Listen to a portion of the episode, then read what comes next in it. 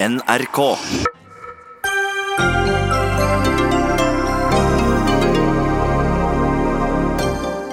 Senterpartiet har stemt mot de andre rød-grønne partiene i 60 klimasaker. Senterpartiet er ikke det klimapartiet det en gang var, sier en av de mulige samarbeidspartnerne. Omvendt rasisme er et problem vi må ta på alvor, mener samfunnsdebattant. Et marginalt problem, protesterer redaktør. Utvid grensa for selvbestemt abort, mener tre sentrale SV-politikere, men møter motstand både medisinsk og politisk. Og er norske barnebokanmeldere for snille? Ja, svarer kritiker, som syns det går inflasjon i mange prikker på terningen.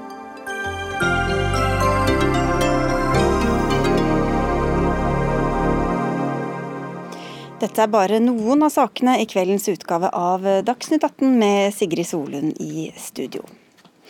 Siden stortingsvalget i 2017 har SV, Senterpartiet, Arbeiderpartiet og MDG på Stortinget stemt ulikt i 69 saker som handler om klimapolitikk. I 60 av dem var det Senterpartiet som skilte lag med sine potensielle samarbeidspartnere. Det skriver Aftenposten i dag. Uenigheten i klimasaker aktualiserer da klimapolitikk som en potensiell skillelinje mellom de rød-grønne i forkant av stortingsvalget i 2021. Og Sandra Borch, du sitter også på Stortinget for Senterpartiet. Hvorfor stemmer dere såpass ofte mot grønn politikk som de andre partiene stemmer for? For det første så er mange av de forslagene det her henvises til eh, enkeltforslag i type representantforslag som er fremma. Eh, og det er forslag vi har ansett som for det første mest symbolpolitikk. Eh, det er politiske vedtak som, som er foreslått hvor man ikke har, har inndekning, som gjør at vi er i ferd med å sende f.eks. regninger til, til befolkninga eller til kommuner. Eh, så mange av de forslagene mener vi er ren symbolpolitikk. Hva slags eh, forslag da kan f.eks. være symbolpolitikk? Eh, det kan være, sånn det, Et av de siste forslagene har vært klimatiltak i kommunene. Hvor en rekke forslag fra MDG, SV og også Arbeiderpartiet har omhandla ja, store konsekvenser for kommunene, som, som, ville ha også store kostnader. Og Da mener vi at det er feil å fremme det gjennom sånne typer representantforslag, og, og ønsker da en nærmere utredning på hvordan man kan eh, legge til rette for at kommunene kan få ta de valgene sjøl, og ikke gjennom eh, ordre fra Stortinget. Ok, Så uansvarlig symbolpolitikk, Lars Haltbrekken fra SV, er du enig? Antagelig ikke, da, ettersom du har stemt for? Ja, SV er jo det eneste partiet som har stemt for samtlige av de 69 forslagene. Nei, dette er rett og slett ansvarlig klimapolitikk. Vi ser klimakrisen utspille seg foran øynene på oss. Ikke bare i Australia, hvor øya står i brann, men også her i Norge. Vi har tørkesommeren fra 2018 friskt i minne. Vi er nødt til å kutte utslippene stort over hele landet dersom vi skal klare å løse klimakrisen. Men spørsmålet er jo da, for dette er jo potensielle samarbeidspartnere som jeg har nevnt. Um, Espen Barth Eide, du er stortingsrepresentant for Arbeiderpartiet. Hvordan tolker du at dere stemmer da såpass ulike, eller at i hvert fall Senterpartiet skiller seg ut mer enn det de andre partiene gjør? Nå er jo vi tre forskjellige partier. Hvis vi hadde ment nøyaktig det samme i alle saker, så kunne vi like godt bli ett parti, og det har vi ingen planer om noen av oss, tror jeg. Vi er tre partier som eh, samarbeider godt i mange saker og er uenige i noen. Så er det jo en lang rekke saker i klimapolitikken hvor vi tre også har stemt sammen. Men det vi snakker om her, er jo de sakene hvor vi har hatt ulikt syn, som programleder helt riktig påpekte. Og jeg mener det som også Lars eh, Haltbrekken her sier, altså vi er midt oppe i en klimakrise. Den er svært alvorlig. Vi er nødt til å endre måten vi Eh, jobber på, lever på, eh, transporterer oss på, eh, hva vi produserer, hva vi lever av. Og Det må vi gjøre på en rettferdig og inkluderende måte. og Da må man altså ha en del tydelige grep. Men det vi i Arbeiderpartiet er særlig opptatt av, er at man forener en ansvarlig klimapolitikk med en politikk for arbeid og verdiskapning og ja, dere, rettferdig fordeling. Ifølge Senterpartiet så høres det ikke ut som dere gjør helt tida dere sender regninga til kommunen og, og, vil innføre en masse sånne småtiltak som, som bare er symbolpolitikk. Jo, men disse, Vi følger jo opp disse tingene i budsjettene våre. Vi er jo veldig konsistente på at vi har virkelig satt vår ære på at når vi foreslår noe, så skal det komme penger bak, og de pengene kan komme i, i, det påfølgende budsjettet f.eks. Og noe av det er å utrede og sette i gang og sånne ting som ikke har budsjettvirkning over natten, og andre har det. Men vi mener at alle nivåer, en kommune, fylke, stat, privat næringsliv, forbrukere, alle må ta inn over seg at vi ikke kan fortsette å leve på nøyaktig den måten vi har levd fram til nå. Og så må vi gjøre overgangen mest mulig myk og mest mulig inkluderende, og vi må begynne tidligst mulig. Og Det er det som vi fra venstresiden nå prøver å samle enighet om. altså Helheten i dette er utrolig viktig for oss. i Ja, Men så er det jo da dere som skiller dere mer ut enn de andre, da, Sandra Borch. Og så er det, det, for det er ganske mange, enten det kommer fra eh, regjeringshold eller fra, da, fra rød-grønt eh, hold, at dere sier dette vil ikke vi være med på, på, på ganske mange punkter. Hvor er det dere er mer offensive enn de andre? da? Hvor skal dere kompensere hvis dere skal kutte like mye som de andre skal? Vi er opptatt av å føre en, en, effekt, en effektiv klimapolitikk, også eh, rettferdig og sosial. Vi kan ikke ramme folk eksempelvis som bor i distrikt, ja, det er det dere ikke vil gjøre, men hva er det dere vil gjøre da? Avgifter.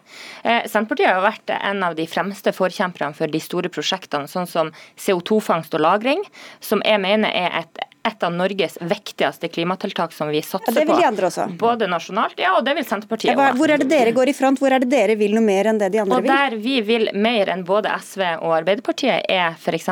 å satse på skog. Her har Arbeiderpartiet og SV eh, eh fronta skogvern, men Senterpartiet mener at vi bør bruke skogen som en del av klimaløsninga. Så det er jo en av de fremste sakene som er et av de mest effektive og rimeligste tiltakene man kan gjøre for å redusere klimautslipp i Norge i mm. dag. Ja, Men eh, økt bruk av skogen og økt skogplanting vil nok ikke gi oss de svære utslippskuttene som vi trenger i eh, årene framover. Heller ikke karbonfangst og -lagring vil alene være nok til å løse eh, de problemene vi står foran. Og så er det helt riktig som Espen Barth Eide sier, vi er nødt til å ta ansvar i våre budsjetter for at når vi pålegger kommunene å gjøre mer, så må vi følge opp med penger. Og det har SV gjort. Vi har bevilga flere hundre millioner kroner ekstra til kommunene i våre budsjetter. Så vil jeg bare gripe tak i en ting til. Eh, for det sies at eh, dette er stort sett forslag som har kommet gjennom såkalte representantforslag i Stortinget. Hva er det for noe for alle som ikke er helt ja, det er, Som stortingsrepresentant så har du muligheten da til å reise forslag om uh, ulike saker. Jeg vil si at Et av de viktigste klimatiltakene som vi nå er i ferd med å gjennomføre i Norge, det kom som en følge av et sånt representantforslag, bl.a. fra uh, SV i 2015.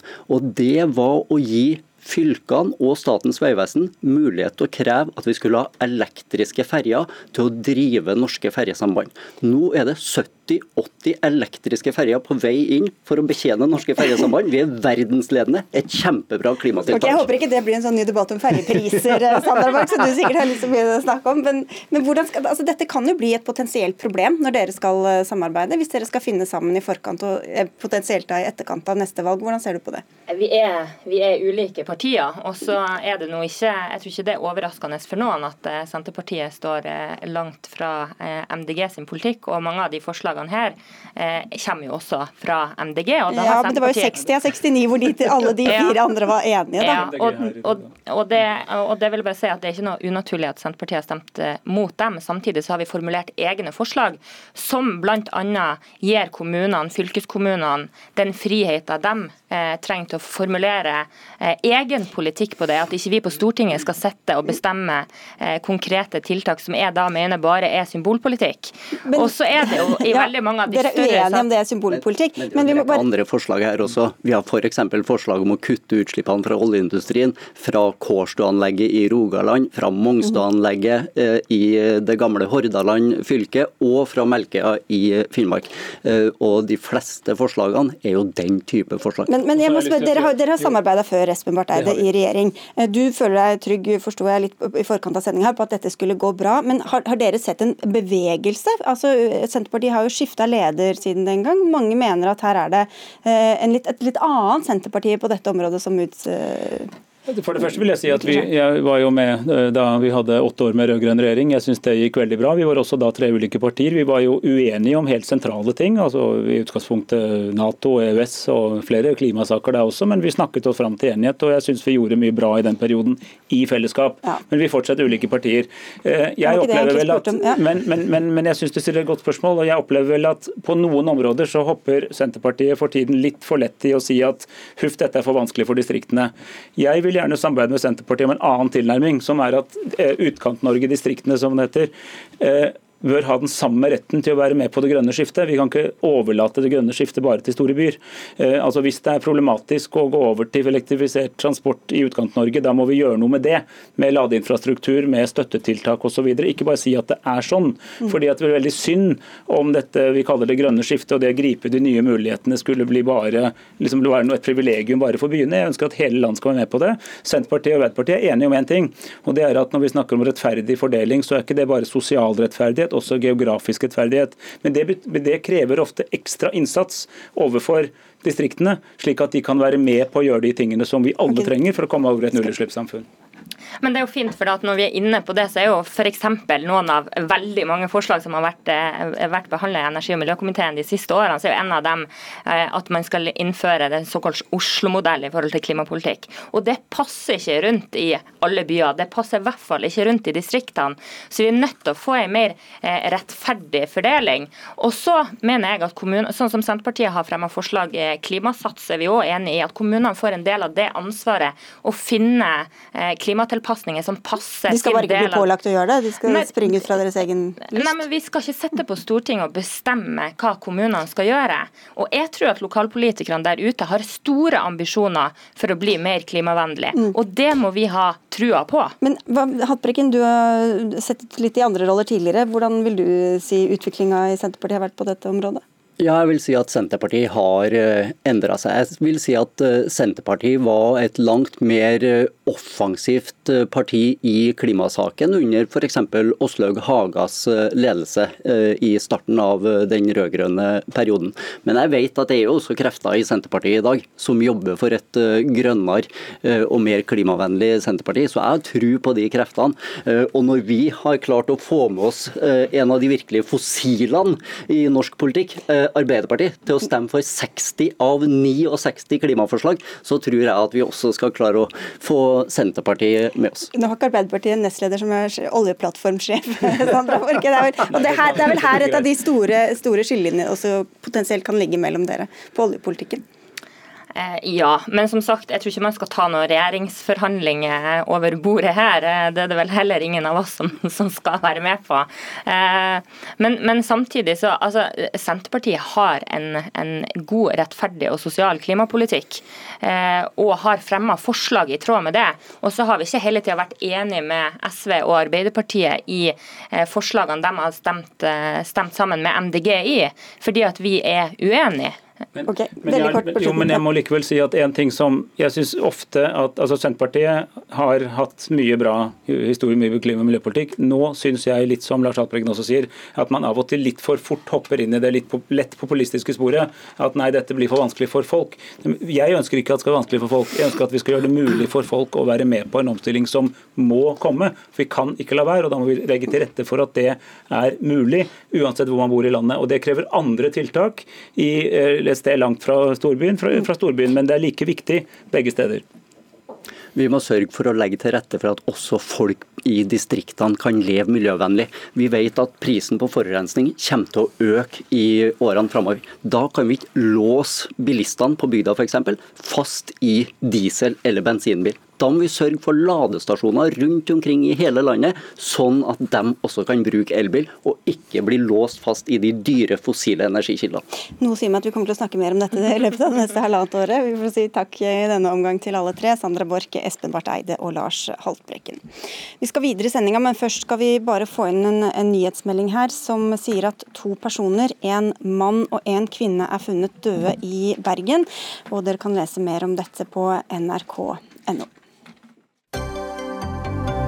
Dagsnytt 18 alle hverdager klokka 18. På NRK P2 og NRK2.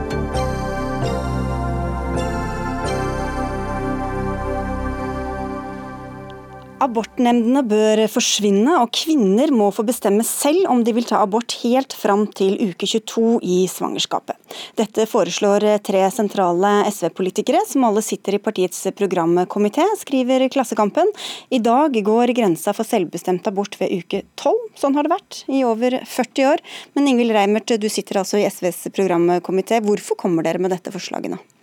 Først vil jeg si at dette er jo en ledd av en større pro prosess og arbeid rundt SVs eh, arbeidsprogram, som eh, nå diskuteres internt i partiet og skal vedtas våren 2021. Skjønner at ikke dette er det eneste dere jobber med, men Nei, dere har mange kommet, spilt inn dette forslaget. Og, og, og, hva er begrunnelsen for at dere vil endre? Eh, først og fremst er det et forslag for å fjerne eh, nemndene, som vi eh, ser på som gammeldags og som et eh, demokratisk eh, problem. Og vi ønsker å gi kvinner rett til å bestemme så lenge vi tillater eh, abort i Norge i dag. Vi ønsker ikke at kvinner måtte legge frem livene sine for nemndene som en slags domstol og høre om de er verdige en abort, men da skal kvinner selv kunne bestemme.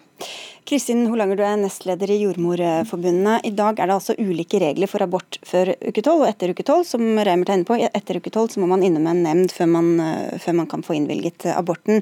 Men hvorfor er det medisinsk så stor forskjell hvor i svangerskapet du befinner deg på, noe, på disse abortene? Nei, vi... Det er mye vi kan si rundt dette her, men i utgangspunktet eh, så er dette et ganske sensitivt felt, for det er mye ulike meninger. Men dagens abortlov har en bred oppslutning i vårt samfunn. Eh, og den ivaretar i utgangspunktet uforenlige prinsipper i en praktisk utformet lov, som gjør at kvinners selvbestemmelse over egen kropp og mot fosterets rett til liv. Eh, I starten så er det kvinnens selvbestemmelse som er sterkest, og så får fosteret et gradvis vern etter hvert som ukene går. Og det eh, Jordmorforbundet mener at abortloven fungerer godt i praksis og har funnet sin form fordi den fremdeles etter mange år balanserer tre retter helt presis. Både kvinnen og selvbestemt rett til abort, mm. fosterets rettighet og hvordan samfunnet vårt skal håndtere retten til abort. Altså Dere syns det er greit sånn som det er i dag, men bare kan du si hvordan en abort foregår i uke 20 eller 21, som da potensielt uh, kan bli selvbestemt? Uh, ja, eh, Det er to innspill jeg har lyst til å gi rundt det. Jeg kan si litt om det. Men det er også det at en eh, nemnd kan man kanskje si at det er et gammeldags ord. Det er et medisinsk utvalg. Eh, og I loven så står det at de skal sørge for at kvinnen får opplysninger om inngrepets art og medisinske virkninger. Eh, og at de skal også opplyse kvinnen om hun kan få informasjon og veiledning om den bistand samfunnet kan gi henne, og sørge for at hun får det hvis hun ønsker. Og Det skal være en objektiv måte uten ja. eh, personlige men, men, innvendinger. Ja, vi kan snakke med, men jeg bare lurte på rent sånn fysisk, altså Hva skjer hvis du er gravid i uke 20 eller 21 mm. og går og skal ta en abort? Hva skjer da? Ja, Da er du inne på et litt annet område enn du er tidlig i et svangerskap. fordi i uke 2021 så er du ganske nært en fødsel.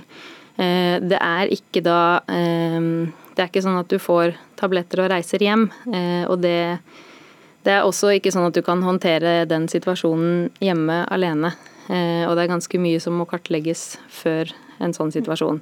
Selvfølgelig også er, du, er den terminen sikker, eller er dette snakk om et levedyktig foster? For i så fall så eh, kan aborten ikke tillates. Mm. For du, du, ikke sant? Og du føder vel egentlig et levende foster, ja. som så legges bort og ikke eh, får eh, Som du vil hjelp. kunne se altså eh, du vil kunne se hjerteaksjon, du vil kunne se pustebevegelser. Eh, det er, det er, ikke noe man skal ta lett på. og Samtidig så er det mange som opplever dette her at de har de kommer på ultralyd i uke 18, eh, og det er et foster som ikke eh, er forenlig med liv. Og det er også noe av det tøffeste kvinner kan oppleve, mm. så dette her er så sensitivt. Ja, så spørsmålet er om det hele tatt går an å sammenligne dette, Reimert, og føde et, eh, som du faktisk må gjøre, da, det barnet som ikke skal få leve, eller fosteret, da, og det å liksom ta en tidlig abort som, som er innenfor dagens grense. Det er jo ingen som ønsker senaborter, og som det beskrives her, så er det en veldig, ofte en veldig vanskelig situasjon. 150 eh, av de 170 eh, abortene etter uke 18 var fordi at fosteret var sykt. Og Det er jo nettopp derfor vi kommer med det forslaget her. For at I en sånn situasjon så trenger ikke kvinner å bli møtt med en domstol, en nemnd, der du må bli brett opp livet ditt. Men du trenger faglig råd. Men, men, dere vil at man skal gjøre det også med et helt friskt foster, som i neste uke ville blitt forsøkt redda av det samme medisinske personellet? 99% av alle søknadene til abortene blir eh, innvilga Eh, så det er jo sånn i dag at kvinner, og det kan vi jo ta betegne at kvinner tar gode vurderinger. Men det vi ikke ønsker at kvinner skal møte, det er den domstolakting der alt det du blir sagt om livet ditt, kan bli brukt mot deg. Men i en sånn situasjon trenger kvinner råd og støtte. Mm. Og så er det veldig viktig når alle vurderingene, for det er en vanskelig valg, eh, har blitt diskutert så er det kvinner selv som til syvende og sist skal få ta valget, og ikke noen andre. Og Det er det prinsipielt eh, prinsipielle ved den saken. Vi skal få inn deg også, Kjersti Toppe. Du sitter på Stortinget for Senterpartiet og mener at dette forslaget går um, altfor langt. Men hva er det som er så problematisk med det, hvis resultatet uansett er det samme?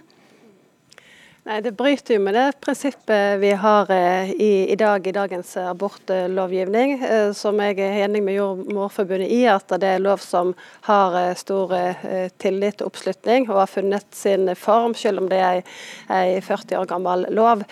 Så er det det viktige prinsippet det er at det kombinerer retten, kvinnens rettighet til selvbestemt abort med fosterets rett. Men altså prinsippet med at du får et sterkere vern etter uke tolv. Mm. Og Det er jo det som er eh, det store eh, liberale i det som SV her foreslår, det er at en tar vekk det prinsippet. Og da rokker du med noe helt fundamentalt mm. i abortlovgivningen. Men hvis prinsippet, som du sier, jeg skjønner at det er viktig, men hvis i virkeligheten så er det ikke mm. sånn at man går og, og, og tar abort på et friskt foster og venter så lenge man kan innenfor dagens regelverk. Så hvorfor skal det prinsippet da være så viktig? Jo, fordi at det er en veldig spesiell lov, og det er et veldig spesielt område og det er eh, lov som har balansert eh, disse to hensynene eh, mot hverandre. Og, og da, Derfor er det viktig at loven er sånn som den er, og at praksisen er sånn som det er i dag. Det er jo ikke et argument i seg selv at fordi at de aller fleste kvinner får innvilga abort etter uke tolv, så må vi endre.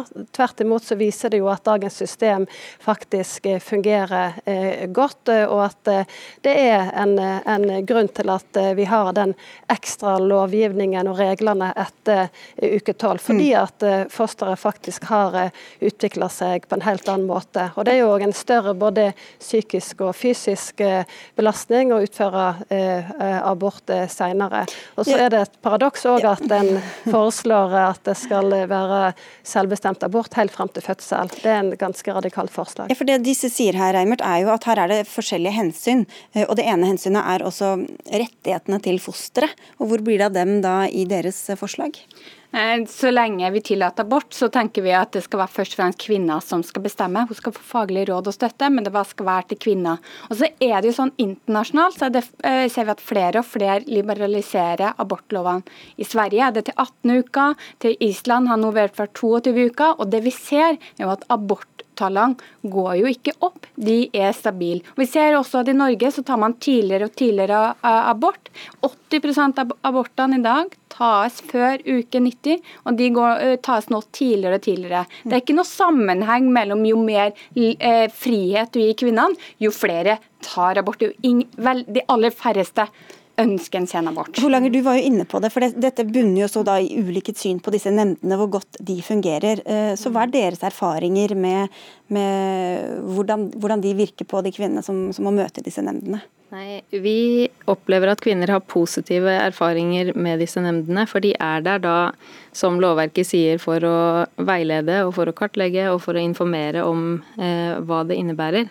For det tror jeg ikke er helt opplagt for alle eh, i utgangspunktet. Det som også er positivt, er at eh, det ut, blir utført omtrent 12 000 aborter årlig, men det antallet går gradvis nedover de siste årene etter at jordmødre og helsesykepleiere har fått rekvisisjonsrett på prevensjon f.eks. Så det er mye vi kan jobbe med her forebyggende. Mm. Hvor, hvor, eh, for nemnda ivaretar lovverket på en fin måte, tenker vi i Jordmorforbundet. Mm. Ja, hvor, hvor, har du det fra at, dette så, at, det er så vanskelig å møte i, i disse nemndene? Det var en førsteamanuensis fra Universitetet i Stavanger som har gjennomgått og vist hvordan uh, møte mange kvinner opplever skyld og skam når de møter disse nemndene. Selvfølgelig kan det være ulik erfaring, men hennes konklusjon var at mange møter skyld og skam og føler på det når de møter nemndene. Så er ikke jeg uenig i at man får råd og støtte støtte, men du har jo ikke råd å støtte når du vet at det er nemnda som sitter på andre sida av bordet, til syvende og sist den skal bestemme. Og så vil jeg si at Det siste året så har man jo også sentralisert nemndene. Så for mange som ikke kan bor i sentrale strøk, så er dette møtet med nemnd over Skype. Eh, eller det innebærer store eh, reiseavstander. Så jeg er veldig uenig i at, at, dette fungerer veldig godt. Her må vi gi et mye bedre tilbud, og så må vi gi faglig råd og støtte. Og så må vi fjerne nemndene som en slags domstol. Mm. Ja, nei, der tenker jeg jo, Det er jo sånn at du er ikke tvunget til å møte opp i en nemnd. Det er også mulig å ha et skriftlig innlegg der som de kan lage i samarbeid med sin fastlege, som gjør at de slipper å møte opp fysisk. Eh, og når det gjelder det med skyld og skam, så er det en del av et stort bilde rundt all abortdebatt, tenker jeg. Mm. Få inn Kjersti Toppel på tampen her også. Dere vil bare beholde akkurat sånn som det er i dag, eller har dere også problemer med de nemndene som, eh, som mange har kritisert? Mm. Jo, altså Det tar jeg på det største alvor, og vi kan nok uh, gjøre mer for at de nemndene skal uh, framstå som uh, gode og gi gode råd og være støttende for kvinner og familien. Men jeg tror ikke løsningen er å ta vekk nemndene. For det som en egentlig da beveger seg vekk ifra, det er jo hele abortlova paragraf 2, med de kriteriene som en har satt etter uke 12, at det skal være akkurat det samme å ta en abort før uke 12 som etter. Og det er et viktig prinsipp som en da foreslår skal tas bort. Jeg mener at nemndene i seg selv er blitt jeg ser at det er blitt belasta ord, eh, og iallfall når en omtaler de som domstol osv. Mm. Kanskje vi skulle funnet et annet ord på benevning for de, og så må vi sørge for at de fungerer veldig bra. Et litt koseligere ord, eh, Ja, jeg tror ikke det hjelper å kalle dem noe koselig når de til syvende og sist fungerer som en domstol, for det er de som sitter med myndighet, og det er vårt problem. Nå er det på tide at vi kvinner god støtte og råd, og ikke eh, konfrontere det med en domstol i en så kritisk situasjon. Det er helt sikkert veldig ulike meninger om dette internt i SV også. Hva tror du er sjansen for å få dette gjennom i ditt eget parti? Ja, dette er jo et av mange forslag. Ikke vet at vi skal, jeg vet at det er mange som støtter opp om det. og Så vet jeg også at det er mange som er uenig internt i SV. og Grunnen til at vi ønsker å lufte det nå, er jo nettopp å få en kunnskapsbasert debatt. Se hva som har skjedd i andre land. Få inn mer informasjon, og at for, denne kan modnes litt. For jeg tror Jo mer du modner litt på spørsmålet, så er jeg sikker på jo mer enig blir du med at nemndene i dag bør forsvinne. Vi får se. Takk skal dere ha, i hvert fall alle tre. Ingvild Reimert, som er nestleder i Oslo SV, Kristin Holanger, nestleder i Jordmorforbundet, og Kjersti Toppe med fra Bergen, som sitter på Stortinget for Senterpartiet.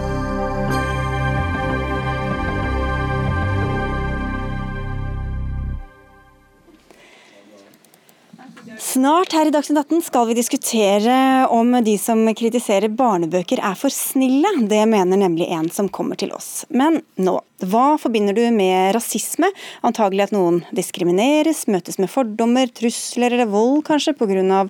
hudfargen eller religionen eller kulturen sin. I Norge at mennesker med minoritetsbakgrunn blir behandlet annerledes enn hvite nordmenn. Men kan det også være motsatt? Ja, skriver du i en kronikk i Agendamagasinet Layal Janet Ayub. Du er nestleder i Groruddalstinget, som altså er en satsing fra Oslo kommune som skal bedre nærmiljøet i Groruddalen, bydel i Oslo, som mange mange vet. Men hvordan er det som da kan kalles omvendt rasisme et problem, mener du? Ja, eh, Nå er ikke Groruddalstinget direkte en satsing, men det er noe som Jan Bøhler eh, starta som idé, hvor jeg fikk lov til å sitte som nestleder. Eh, og i et av folkemøtene vi hadde rett før nyttår, så tok vi for oss det at jeg liker ikke å bruke det begrepet, men etniske nordmenn er eh, blitt en minoritet eh, på noen av skolene i Groruddalen. Eh, hvor det var flere foreldre som tok kontakt med oss, som sa at de måtte flytte fra sine områder fordi at deres barn ble utsatt for ganske grove voldsepisoder. og så observerte jeg også et tilfelle der to jenter med muslimsk bakgrunn nektet en annen jente å sette seg ved siden av dem fordi hun var blond med blå øyne. og Derfor tok vi tak i problemet og undersøkte det litt litt, hvor det da begynte å komme veldig mange tilbakemeldinger. Og ved å ta opp dette temaet, så mente ikke jeg å se bort fra den historiske rasismen som har eksistert i veldig mange år, kun det at det går an å ha to tanker i hodet samtidig og anerkjenne at det er et voksende problem i, på, i noen steder i Groruddalen, og at vi må kjempe for at det ikke skal utvikle seg. Ok, Så det er ikke noe forskning, men det er, det er historier rett og slett som du har fått høre fra forskjellige hold? Det er dessverre ikke forsket på temaet enda. Eh, jeg håper at det kommer på banen. Det eneste eh, jeg har fått med meg, er at det er gjort en NOVA-undersøkelse som viser at barn av innfødte oftere blir mobbet i Groruddalen. Majoran Vivekanathan, du er redaktør i den flerkulturelle avisa Utrop, og gikk på Facebook eh, hardt ut mot denne kronikken. Du sier den aldri ville trykke den i din avis. Hva er det som er så gærent med det som er sagt og skrevet her? Ja, Min eh, kritikk eh, gikk jo først og fremst på Agenda, da, som trykket denne kronikken. Fordi eh, der har de trykket en kronikk eh, hvor det ikke er noe empiri, ikke noe tallstatistikk. Eh, der er det blitt lagt til grunn to enkelthendelser som Layal har observert. Eh, og jeg skrev at jeg ville ikke trykket en slik kronikk i, i, vår egen avis Utrop. Men det er dermed ikke sagt at fenomenet ikke eksisterer. Det gjør det helt sikkert i en skala som jeg ikke er helt sikker på hvor stor problemet er. Altså, eh, spørsmålet mitt er når ble dette et problem, og hvor stort problem er den?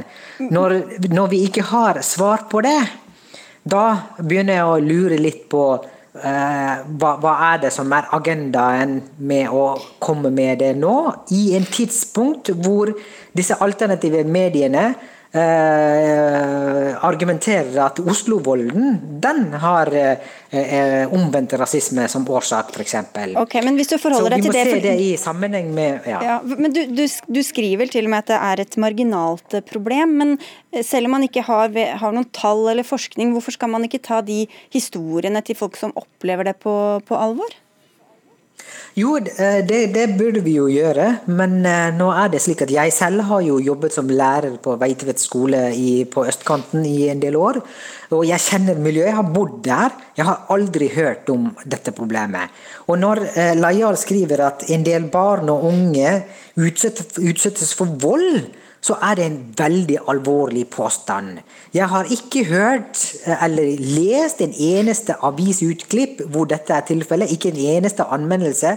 Så hvor kommer dette fra? Er det en konstruksjon? Mm. Er det en, uh, en, en uh, Er man med på å skape noe som ikke er der? Ok, Vi kan høre fra Ayoub. Jeg kan starte med å si at man ikke skal definere menneskets verdi i antall tilfeller av et spesifikt problem fordi at det kanskje ikke er like mange som opplever rasisme eh, på bakgrunn av sin eh, etnisk norske bakgrunn, så betyr ikke at problemet skal eh, mindregjøres. Eller det jeg skriver om, det kommer ifra direkte kontakt fra både rektorer på visse skoler i Groruddalen, foreldre som har tatt kontakt med både meg og Jan Bøhler, som har sendt e-poster og som har ringt, og som dessverre har kviet seg i å stå på en scene og fortelle om sine opplevelser pga. den volden de har blitt utsatt for.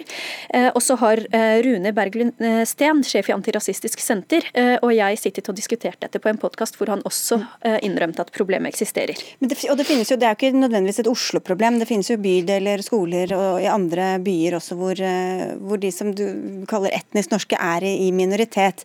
Men, men, la oss si at dette er et problem. Hvordan vet du at det handler om rasisme og ikke mobbing eller bare dårlig og ekkel oppførsel, selv om ikke det gjør handlingen ja. noe bedre? Det kan starte i vanlig mobbing mobbing. Eh, men når, eh, som et tilfelle vi hørte, eh, hvor en jente fortalte oss at hun ikke får lov til å besøke folk som ikke er mørke i huden som henne. Når det er sånne tilfeller vi hører om, så kan det utvikle seg til å bli enda større rasisme. Og Det er det jeg prøver å sette lys på, sånn at fenomenet ikke skal utvikle seg til å bli såpass ille. Ja, Hvis man ikke snakker om det, så kan det bli mer polarisert være det. Eh, jeg tror eh, det er litt eh, Altså, hvit hud er jo status i enkelte miljøer. F.eks. Vår, vårt eget miljø. Hvis du spør f.eks. en pakistaner hvem er det du foretrekker, er det en norsk eller er det en fra f.eks. Somalia, så ville han sannsynligvis svart norsk, fordi det er status. Så det overrasker meg, det, det, det som Layal sier her, at det eksisterer. Jeg tror at Layal mest sannsynlig blander begrepene her.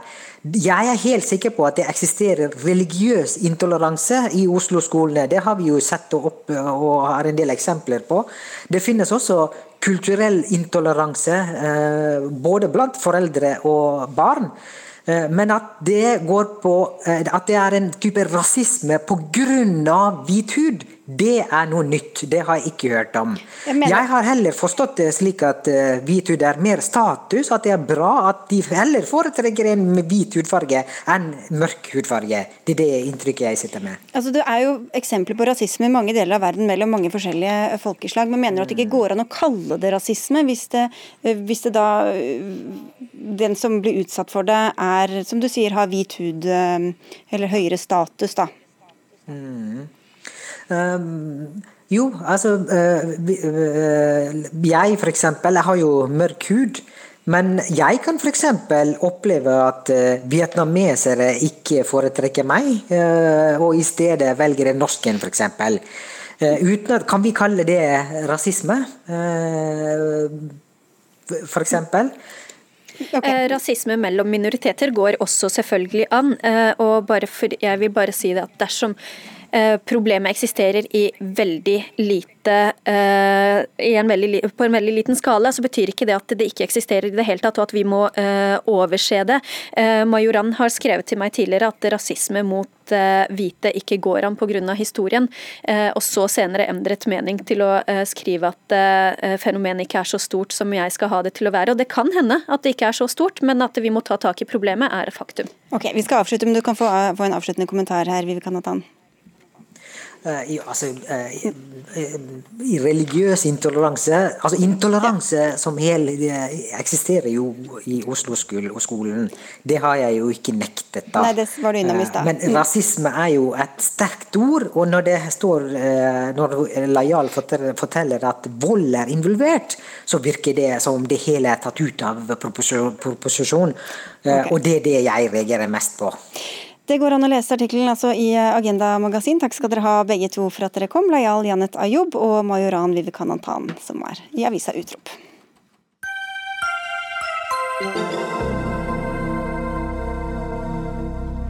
Det gis ut flere hundre barne- og ungdomsbøker i Norge hvert år, men veldig få av dem får noen som helst omtale. Når de først blir anmeldt, er derimot kritikerne for snille, og de gode terningkastene kommer for lett og for tett. Det hevder i hvert fall du, litteraturkritiker Guri Fjellberg, i en kommentar i Periskop, et tverrfaglig tidsskrift om kunst for barn og unge.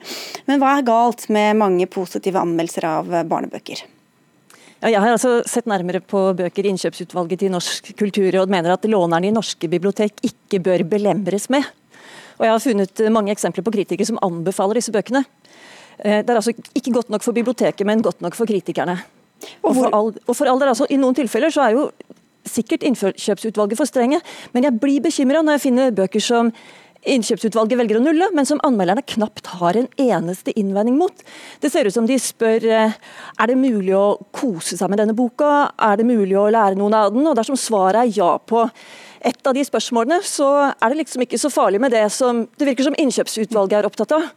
Har forlaget gjort en skikkelig jobb med denne utgivelsen? Mm. Og Dermed bidrar jo ikke kritikerne til at barn får så gode uh, bøker som de kunne ha fått. Nettopp. Kristine Isaksen, bokanmelder i uh, VG. Er dere for snille? Er det andre kriterier for barnebøker enn for, um, for Eller legger lista annerledes for barnebøker enn for voksenbøker? Nei, jeg mener ikke det. Jeg, tenker, jeg er enig med Guri Fjellberg at er, vi ser flere anmeldelser som er positive til bøker. Eh, men jeg tenker at det har med medievirkeligheten å gjøre, og at eh, bokanmelderiet i dagspressen har endra seg de siste fem til ti årene. Det er færre bøker som får oppmerksomhet. De får gjerne større oppslag, de får eh, større bilde, en større tittel, og jeg får mer tekst å skrive. Men, men at det er, er utvalget som gjør at anmelderen er så positiv. Altså Ikke... Dere siler det dere anmelder, er det sånn da? At dere bare anmelder de bøkene som dere antar er gode eller viser seg å være gode? Det er ofte ikke kritikeren sjøl som bestemmer hva bøker som skal på. Det er det gjerne redaktøren eller bokansvarlig som gjør. Men, men ja, man velger gjerne bøker man har tro på, og som, som folk bør bruke tid på å lese. Altså at man gjør, man gjør et celebert utvalg av alt som kom ut. og Det er kanskje bra òg. Altså, I 2018 så kom det 2600 nye titler. Det er mange bøker. Eh, og, og, gode titler varer jo lenger enn et år òg, så, så, jeg tenker at det er fint at man har et sånn ut, utvalg. Ja, for Når du leser en anmeldelse, så er det vel først og fremst de som lurer på hva slags bok de skal kjøpe, Fjellberg. Så hva er da galt med å skrive om de bøkene som kan være gode tips til, til foreldre eller andre som vil kjøpe bøker?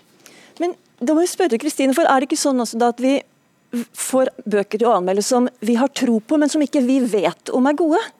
Og Da har vi gått i en slags sånn anbefalingsfelle allerede. For her, hvis du ser på de, de bøkene som eh, eh, som vi har anbefalt eh, som, jeg, altså, som, er, som er nulla, men allikevel anbefalt, så er det jo veldig kjente navn. altså Maja Lunde, Iben Akeli, eh, Fam Ekman, Rune Belsvik.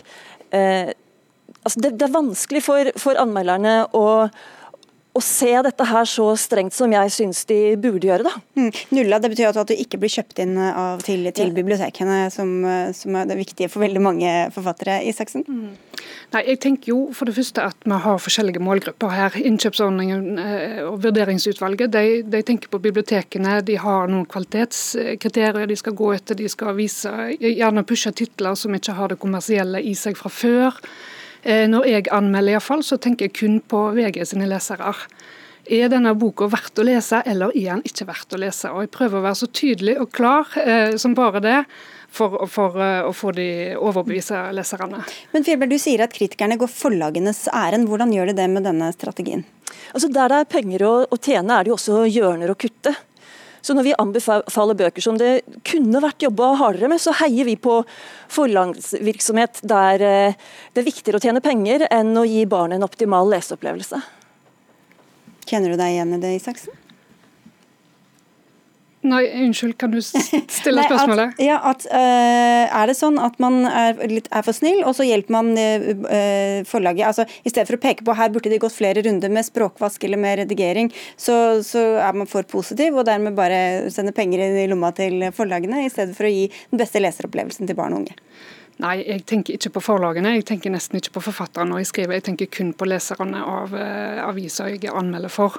Eh, så jeg er ikke så veldig opptatt av forlagsøkonomi. Eh, jeg er kun opptatt av de gode leseropplevelsene, og det er det som er min drivkraft i anmelderiet òg. Å finne de beste bøkene og, og, få det ut til flest mulig folk om at dette er knallgode bøker som en bør lese. Det er stor konkurranse om kulturuttrykk i dag. Det er masse filmer og podkaster. og ja, Bør, jeg tror mange kjenner seg igjen i det. Hvis de skal bruke tid på å lese en bok, så har de lyst til å lese mm. de beste bøkene. Ja, Fjellberg? Vi leverer anmeldelser i en sånn oppmerksomhetsøkonomi der anbefalinger blir mest lest. Så for avisa er positive anmeldelser mest verdt. Og det er synd for barneleserne, da. For det betyr at de som produserer bøkene ikke får nok gulrøtter til å, å, jobbe enda litt hardere når femmerne og sekserne sitter så løst. Altså de er nyttige idioter for forlagene? Ja, jeg syns vi legitimerer en eh, kommersiell virksomhet med å, å heie på at de kutter hjørner. Men jeg tenker, eh, jeg tror nok at de fleste skjønner at dette er bare et lite utvalg. Eh, når VG på fredager har anmeldelser av tre-fire bøker, så tror jeg de fleste skjønner at dette er ikke alle bøkene som kom ut den siste veka. Og når en har det i mente at dette er allerede et utvalg, og dette er de beste av det utvalget, så tror jeg, eh, tror, tror jeg det er fair. da. Jeg tror mm. man skjønner at eh, man er ute til å gi vekk gode leseropplevelser, ikke til å tjene forlagene. Ja, og Det er kanskje ikke så interessant å lese masse anmeldelser av bøker som får toer og treere, Fjellberg? Nei, og det er det store dilemmaet vårt. Men hvis vi ser det fra forlagsredaktørens ståsted, så er det jo flere forlagsredaktører som har fortalt meg at uh, det hender de lar være å ta en ekstra runde med et manus fordi de mener det er godt nok til å bli kjøpt inn uansett. Så de, Da ber de ikke forfatteren eller illustratøren eller språkvaskeren om å ta en runde til. Og Kanskje, kanskje, vil ikke det gi noe høyere salg om de bruker to uker ekstra på det. og Kanskje er det ikke en type bok som uansett ville fått noen litterær pris, og så lar de det være. Men noen må si barneleserne har fortjent bedre. Sånn det er nå, så er det innkjøpsutvalget som sier det, i langt større grad enn kritikerne. Og du sa det, og det gjorde du i Dagsnytt 18, og takk skal du ha for det, Guri Fjellberg, og takk det også til deg, Kristine Isaksen fra VG. Hør Dagsnytt 18 når du vil. Radio NRK.no.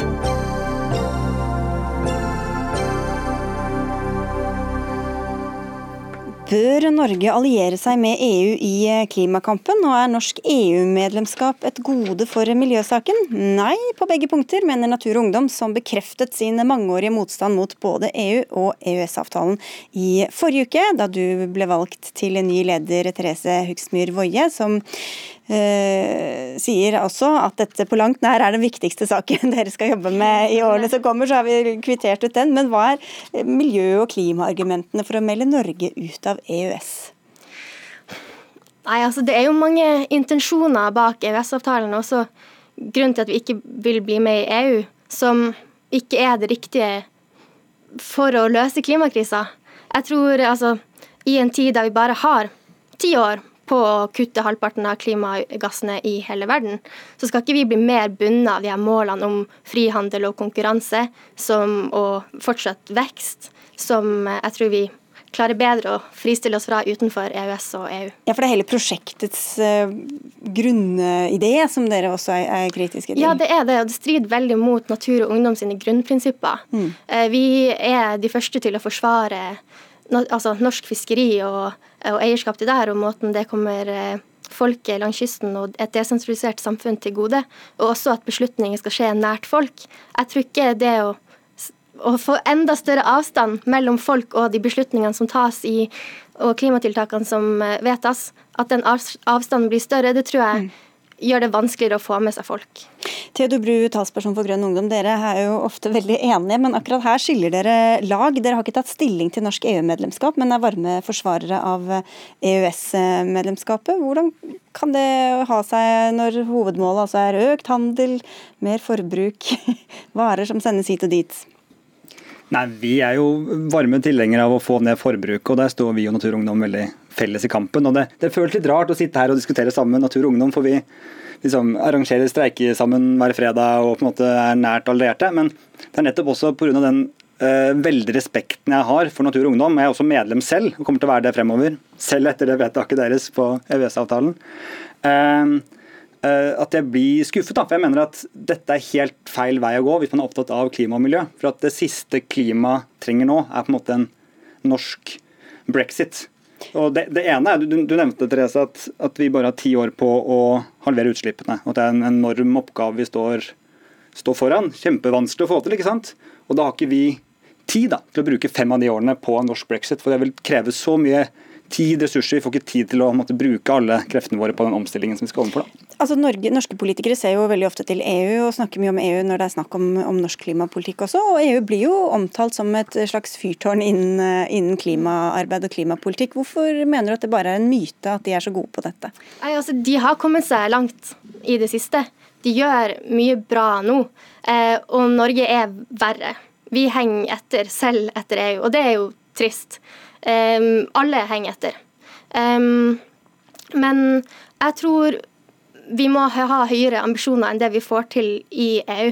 Altså Hvis Norge hadde gått inn i EU, da. Vi hadde kjempa for at uh, de skulle fortsette å motta norsk gass, og at det er en del av klimaløsningen i all tid uh, fremover. Og det er masse sånne sinker innad i EU som man må kjempe seg forbi uh, for å få til ting. For det, ja, nå snakker du om EU-medlemskap, og vi er heller ikke for norsk EU-medlemskap. Men dere syns ikke at EU er noen miljøsinke? Det syns vi ikke. Eller det er masse vi også skulle gjort sett annerledes i EU. Det er på en måte langt ifra en perfekt organisasjon. Masse, eh, masse høyrepolitikk der som vi gjerne skulle sett at var grønnere, eller med et mer eh, typisk norsk, på en måte. Eh, men det vi anerkjenner, da, er at vi er helt avhengig av sånne type organer som EU for å løse de store overnasjonale utfordringene vi har. og Det handler om klima, selvfølgelig, men også naturødeleggelser, personvern, skatteflukt, eh, migrasjon. Store utfordringer som vi ikke klarer å løse på hver vår tue. Og De skal vi løse med store systemer som kjemper for økt frihandel og økt forbruk, som fører til enorme transportutslipp og eh, enorme konsekvenser for desentraliserte samfunn. Vi er avhengig av å bruke de verktøyene vi allerede har. Og nå, eh, som du selv var innpå, så har vi bare ti år på å halvere utslippene. Og da må vi bruke de verktøyene vi har. EU er et sånt verktøy som eh, ja, du kan si at det fører til mer frihandel, men det fører også til frihandel av de type varene vi skal leve av etter olje. Da. Nå skal vi bygge opp masse nye industrier. Eh, kraftkabler, sol, havvind. Hydrogen. Jeg tror ikke bønder og fiskere i Europa er enig i at EU bygger opp det vi skal leve av i framtida. Men nå, du var sikkert en av dem som var skuffa etter toppmøtet i Madrid før jul. Når du ser hvor treigt det kan gå i FN, som er avhengig av at alle er enige. Hvordan kan dere ha råd til å kvitte dere med EU og EØS, så å si?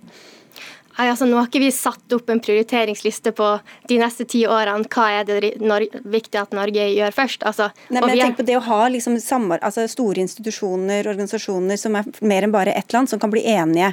Hvordan skal mm. man klare det, og, å nå de klimamålene uten sånne avtaler eller organisasjoner? Altså, jeg tror det må gå raskere enn det EU, selv EU kjemper for i de forhandlingene. Jeg tror ikke EU er bra nok i de forhandlingene. Men hva er alternativet?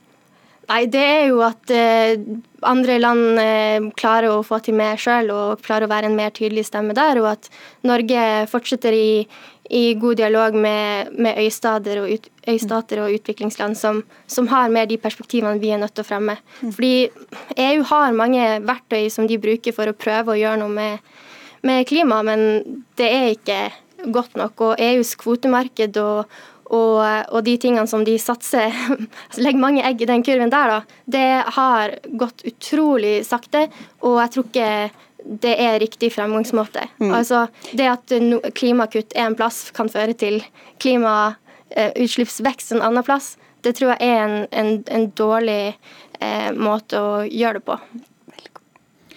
Ja, men sånn, nå, eh, Jeg føler ikke at du svarer på hvorfor det er en god idé å gå ut av EØS-avtalen. For det EØS-avtalen gjør, er at den sørger for å sikre masse norske arbeidsplasser, som er helt avgjørende for at vi skal klare å gjøre den omstillingen vi skal gjøre. Da. Nå skal vi bygge opp masse nye næringer. Da trenger hele norske næringslivet, norske arbeidsplasser, trenger eh, trygge rammer. da. Og Det gjør EØS-avtalen, og det er eh, risikosport å gå ut av det. Vi har ikke noe godt alternativ. Da er vi tilbake ved start. Eh, vi får si tusen takk for at dere kom begge to. Theodor Bru fra Grønn Ungdom og Therese Hugstmyr Woie, som altså er ny leder i Natur og Ungdom. Takk for det.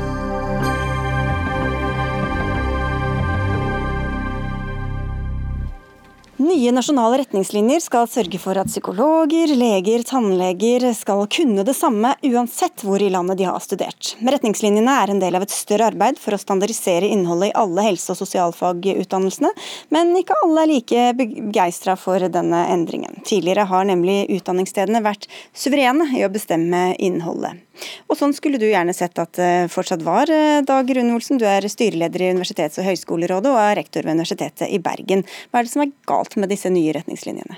Jeg vil først si at Vi er veldig for god og solid og høy kvalitet i utdanningene, slik at vi får de beste helsetjenestene. Jeg håper ingen eh, lurte på det. Nei, men så er spørsmålet hvordan vi får det til. og Det går litt sånn på hva er et universitet og hva er en høyskole? Hva er det, det skal, de skal gjøre? Det handler jo om å, å utmeisle utdanning og levere utdanningen. Og Vi synes jo at vi har gjort det i, godt i ganske mange år, så jeg stiller spørsmål med hvorfor trenger vi dette? Må vi lovfeste, forskriftsfeste alt for at det skal gå godt i dette landet? Jeg tror ikke det. Og så er det jo sånn da at Universitets- og høyskoleloven den eh, slår fast at uh, Universiteter og høyskoler de kan for så vidt instrueres til det meste av statsråden, men ikke i det såkalte læreinnholdet. Og For mange institusjoner så er jo helse- og sosialutdanningen brorparten, eller i hvert fall en stor del av, av institusjonens virke. Og nå blir altså det ansvaret blitt tatt over av forskrifter. Mm. Og da tenker vi at ja, Det eroderer da, eh, undergraver på mange måter det som er eh, deler av samfunnsoppdraget vårt, i hvert fall når det gjelder utvikle utdanning. Og så er jo spørsmål, Blir det så mye bedre med en forskrift? Vi kan jo slenge dette over til deg, eh, Iselin Jubbu, du er forsknings- og høyere utdanningsminister. Altså, vi sitter jo veldig ofte her og snakker om uh, at i grunnskolen så går man motsatt vei. Der skal man ha, legge mer opp til hver enkelt lærer og instruere mindre. Hvorfor, hvorfor tar dere dette grepet på høyskole- og, på, og universitetsnivå? Ja, Det er flere grunner til det, men jeg synes det er ganske viktig å bare få slått fast med en gang at det, det er ikke i strid med loven det vi gjør nå, iallfall ikke dagens lov. For der er rammeplaner omtalt som et virkemiddel som vi kan bruke. Og Grunnen til at vi har gjort dette, her, er fordi det lenge har vært et ønske eh, ute i tjenestene, altså ute i sykehusene, ute i kommunene, om å få mer inngripen i utdanningene. Sant? For det er jo de som skal ansette disse psykologene, eller sykepleierne, eller legene eller tannlegene. Eh, og De vil ha mer samarbeid om hva de skal lære, hva de skal kunne når de er ferdig utdannet. Og Det er akkurat det eh, dette prosjektet har gjort. Da har vi satt sammen i arbeidsgrupper fagfolk. Fagfolk fra ja, sykehusene, kommunene, men òg universitetene og høyskolene. Og så har de blitt enige om et sett, eh, ja, sett med kriterier eller ting som de skal kunne når de er ferdig. Og så har jeg tatt det, og så har jeg forskriftsfesta det. Men, men hvor, hvor, stor forskjell har det vært da på en eh, som blir utdannet uh, lege i Bergen eller Tromsø? Vi har, eh, og det vil jeg også si, vi har utdanna gode leger, enten de har kommet fra Bergen, som er et veldig godt universitet som jeg selv har gått på, eller eh, Tromsø. Eh, men, men, nå får vi mer, et bedre samarbeid med, med, tjenestene og universitetene og høyskolene. Men det har nok vært litt ulikt hvor store forskjellen har vært. Men det kommer fortsatt til å være forskjeller. For det er fortsatt muligheter for å lage egne profiler og uh, fordype seg på, på ja, egne områder. Okay, mellom linjene her så hører vi at dere egentlig kan takke dere selv da, for at dere ikke har lytta. Nå er det jo slik at F.eks. ta medisinutdanninga. Brorparten av de som underviser hos oss på universitetet, har stillinger også på sykehuset eller i kommunehelsetjenesten og vice versa. Sånn at Det har jo vært i alle år et veldig tett og nært samarbeid mellom utdanningsinstitusjonene og de som skal ansette disse her. Så Vi har altså både utviklet eh, utdanningene våre og vi er levert i samarbeid med helsetjenestene. Så Jeg ser liksom ikke hva er egentlig det nye i så måte. Så er det, jeg er helt enig med statsråden at det er mulig å forskriftsfeste ting gjennom, eh, eller altså forskriftsfeste rammeplaner eller nasjonale retningslinjer, som det heter nå. Men man skal jo være litt forsiktig med det, fordi at målsettingen med universitets- og høyskoleloven er at institusjonene selv skal ha ansvar for det, altså ikke instrueres. Men da er det da må det vel ligge til grunn en, en, mistanke om svikt i kvaliteten for at det skal være fornuftig. Og det tenker jeg, Har vi fått eh, det på bordet? Jeg tror ikke det. Hvis du ser... Vi kan jo høre med statsråden, da. Ja, Det har jo i hvert fall lenge vært et ønske fra tjenestene, fra sykehusene, fra kommunene, eh, om å komme tidligere inn og ha mer innflytelse på hva studentene skal lære, hva de skal kunne når de er ferdige. Og Det er jo det som er poenget eh, med retos, som vi kaller, som vi kaller dette. da. Og Äh, jeg, jeg er også opptatt av det som, det som du sier, Dag Rune, at det, eh, det, er jo fagfolk som har sittet sammen og blitt enige her. Dette er ikke noe som vi fra politisk hold har liksom trykt ned over hodene på folk. Dette er noe som fagfolk har sittet seg sammen og funnet ut hva de vil ha, og så har vi tatt det. Ja, Olsen, er det, da, er det det at dere er uenig i resultatet, hva det er kommet fram til, eller bare helt prinsippet at noen skal komme og instruere dere? Det prinsippet som i første rekke er, er sentralt her. For psykolog, psykologutdanninga så er jo vi på Universitetet i Bergen veldig godt fornøyd, fordi vår utdanningsplan er den som har rett og slett blitt eh, nasjonale retningslinjer, så det er kjempebra. Men vi trengte det ikke. La meg ta et eksempel. Eh, radiografutdanning. Radiografer er de som tar imot deg på et sykehus når du skal tas bilde av. Der står det i starten at de skal kunne nok om anatomi, fysiologi og sykdomslære til å ta gode bilder. Ja, det er klart det. Det er det yrket handler om. Så det er jo på en måte meningsløst å forskriftsfeste, for det er det jobben dypest sett går i. På den andre siden så står det at utdanningen skal ha 30 uker praksis. og Det skal være minst én bolk som er lang og minimum 12 uker. Tenk, hvor kommer disse ukene fra? Kunne ikke institusjonen få lov å definere det selv? Det kan være lokale tilpasninger osv. Mm. som gjør utdanningen bedre. Og Akademisk frihet og uavhengighet som dere har sagt at dere skal satse på, hvordan harmonerer det med dette? Ja, men altså, Det er lett å sitte og være rektor på et universitet og si at vi trenger det ikke. Men hvis vi hadde hatt representanter fra tjenestene, fra sykehusene, fra kommunene, så hadde de kanskje hatt et litt annet syn på dette. For eh, dette er utdanninger som vi som universiteter ikke gir alene. Dette er utdanninger som skjer sammen med tjenestene, for de har praksis, viktig praksis, undervisning i praksis.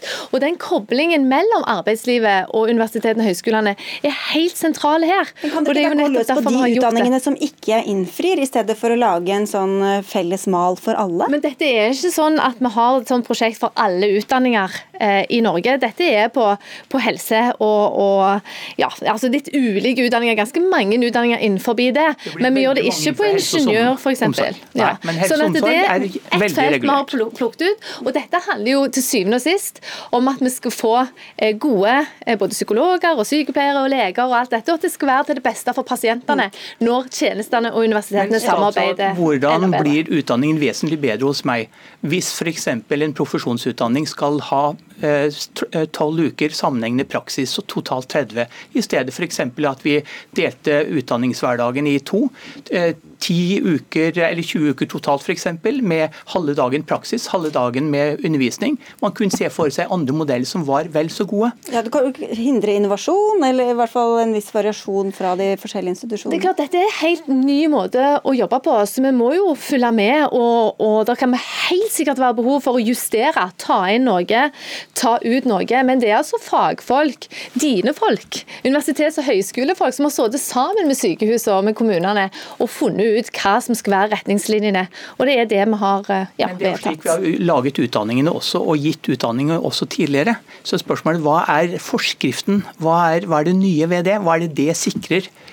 Ikke minst helsetjenesten og pasientene. Det, det lurer jeg på. Det sikrer at helsetjenesten eh, får større inngrepen med eh, utdanningen til de folka som de skal ansette og ha i jobb etterpå. Dere, vi har ikke mer tid, men vi får si tusen takk for at dere brukte av deres for å komme til Dagsnytt 18, forsknings- og høyere utdanningsminister Iselin Nybø, og til deg, Dag Rune Olsen, som altså er rektor ved Universitetet i Oslo, og styreleder i Nei, unnskyld, Bergen! Bergen, Bergen. Typisk Oslo-fiksering her, jeg vet jo det. det var Freud and slip. Ok, det var det vi rakk. Dag Dørums, Lisbeth Sellreit og jeg, Sigrid Solund, takker for oss og ønsker en fin kveld videre.